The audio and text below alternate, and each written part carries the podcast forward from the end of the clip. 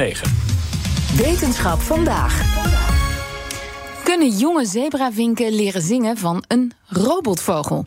Daar hebben onderzoekers de afgelopen jaren naar gekeken. En wij gaan erover doorpraten met wetenschapsredacteur Carlijn Meiners. Ha, Carlijn. Hoi. Ja, waarom wilden die onderzoekers dit weten? Ja, um, het gaat eigenlijk allemaal om hoe leren we? Hoe leren verschillende dieren communiceren met elkaar? Uh, welke informatie hebben ze daarvoor nodig van soortgenootjes? Uh, zijn er verschillen tussen individuen? Maar je kunt ook denken aan uh, wat gebeurt er als wij mensen bijvoorbeeld veel lawaai produceren in hun leefomgeving?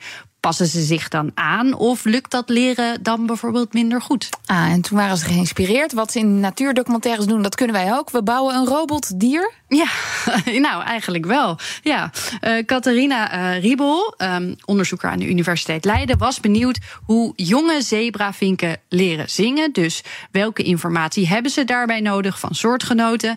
En Wouter Halfwerk van de Vrije Universiteit Amsterdam had al eens iets vergelijkbaars gedaan met een ander dier. Hij had in het regenwoud van Panama de communicatie tussen kikkers bestudeerd. En daar hadden ze een robotkikker ontwikkeld om te kijken of die kikkers niet alleen op het geluid letten van mannetjes die daarmee vrouwtjes aantrekken, maar ook kijken naar de beweging die die kikkers maken. Maar dit gaat dan meer over de liefdestaal. Ja, ja, dit gaat meer over de liefdestaal. Maar de vraag bleef bij hem wel hangen: hoe zit dit dan bij het leren van elkaar? Is dan die combinatie van geluid en beweging ook belangrijk? Hij kende uh, al, uh, dronk een biertje met haar op een congres. En daar ontstond het wilde idee voor een robotvink. Maar ja, niemand gaat daar natuurlijk geld in stoppen. Er is één bepaald onderzoeksprogramma, dat heet Human Frontiers. En die willen dus juist dit, dit soort risicovol onderzoek uh, financieren. Dus daar, ja, daar zijn we toen een beetje over gaan brainstormen. En ja, echt dat, uh, op de achterkant van een bierveeltje even snel bedacht van hoe moet het dan eruit gaan zien. En dat, uh, nou, dat, daar zijn we toen mee aan de slag gegaan. Nou, toen kregen we dat uiteindelijk en toen was het iets van, oh maar, dan moeten we het dus ook gaan doen. nou, dat klinkt alsof ze het niet zomaar even voor elkaar hadden. Nee, daar heb je zeker gelijk in. Uh, eerst zijn ze het nog gaan proberen met een soort piepshow. Uh, dan zat een volwassen mannetje in een hokje met een vrouwtje. Die ging dan voor haar zingen. Uh, en dan konden andere jonge vogels meeluisteren of soms zelfs meekijken vanuit hokjes daaromheen. daarmee konden ze al zien dat meekijken ook echt een effect had op dat leerproces van die jonge vogels. En dat ook de vrouwtjes niet alleen luisterden, maar ook echt keken. Interessant, maar toen werd het toch echt tijd uh, voor iets bestuurbaars. En uh, toen hadden we met een hoogsnelheidscamera opnames gemaakt. En gezien wat ze doen, is echt wel indrukwekkend. En toen uh, zijn we hier, we hebben hier een technische werkplaats aan de Vrije Universiteit. En toen zijn we dat gaan bespreken. En toen, ik weet nog dat we die eerste meeting hadden. En dat we die video lieten zien. En toen zeiden ze: God, dat is, hm, dat is, ja, het is allemaal klein en het is snel. En hoe snel wil je dat die snavel dan dus beweegt?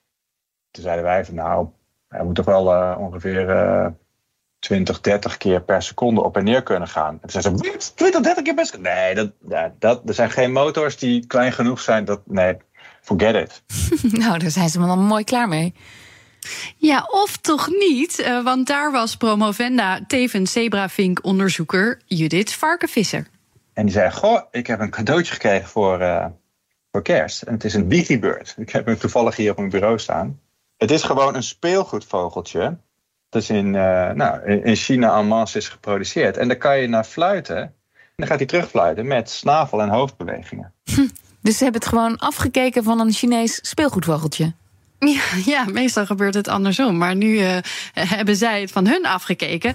Die uh, hebben ze uit elkaar gehaald. En daar hebben ze een zebra-fink-versie hiervan gemaakt. En voilà, Robo-Finch was geboren.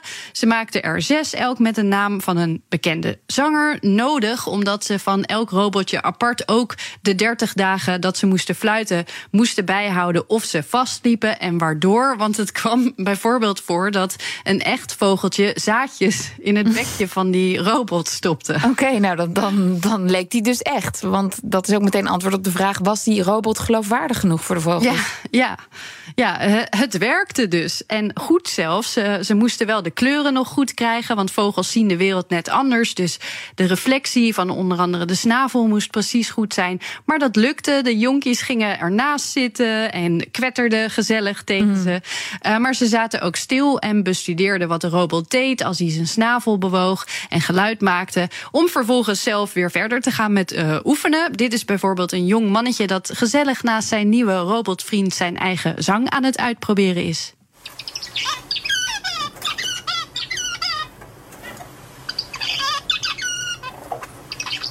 Heel lief, toch? Heel lief. Een heel deel van de opvoeding wordt overgenomen. En, en wat hebben ze dan nu aan dit geslaagde project? Nou, het bewijst eigenlijk dat ze de RoboFinch kunnen gebruiken in studies naar vocaal leren, waarbij uh, gespeeld kan worden met alleen beweging van de snavel of alleen geluid, of gekeken kan worden wat gebeurt er als dat nou niet helemaal matcht met elkaar. Eigenlijk zodat in nog meer detail onderzocht kan worden hoe dat leerproces verloopt. Moet er nog wel aan de mechanica gewerkt worden. Ik vroeg uh, halfwerk trouwens ook nog welke dieren hij na kikkers en vinken het liefst zou willen robotiseren. En daar hoeft hoefde hij niet lang over na te denken.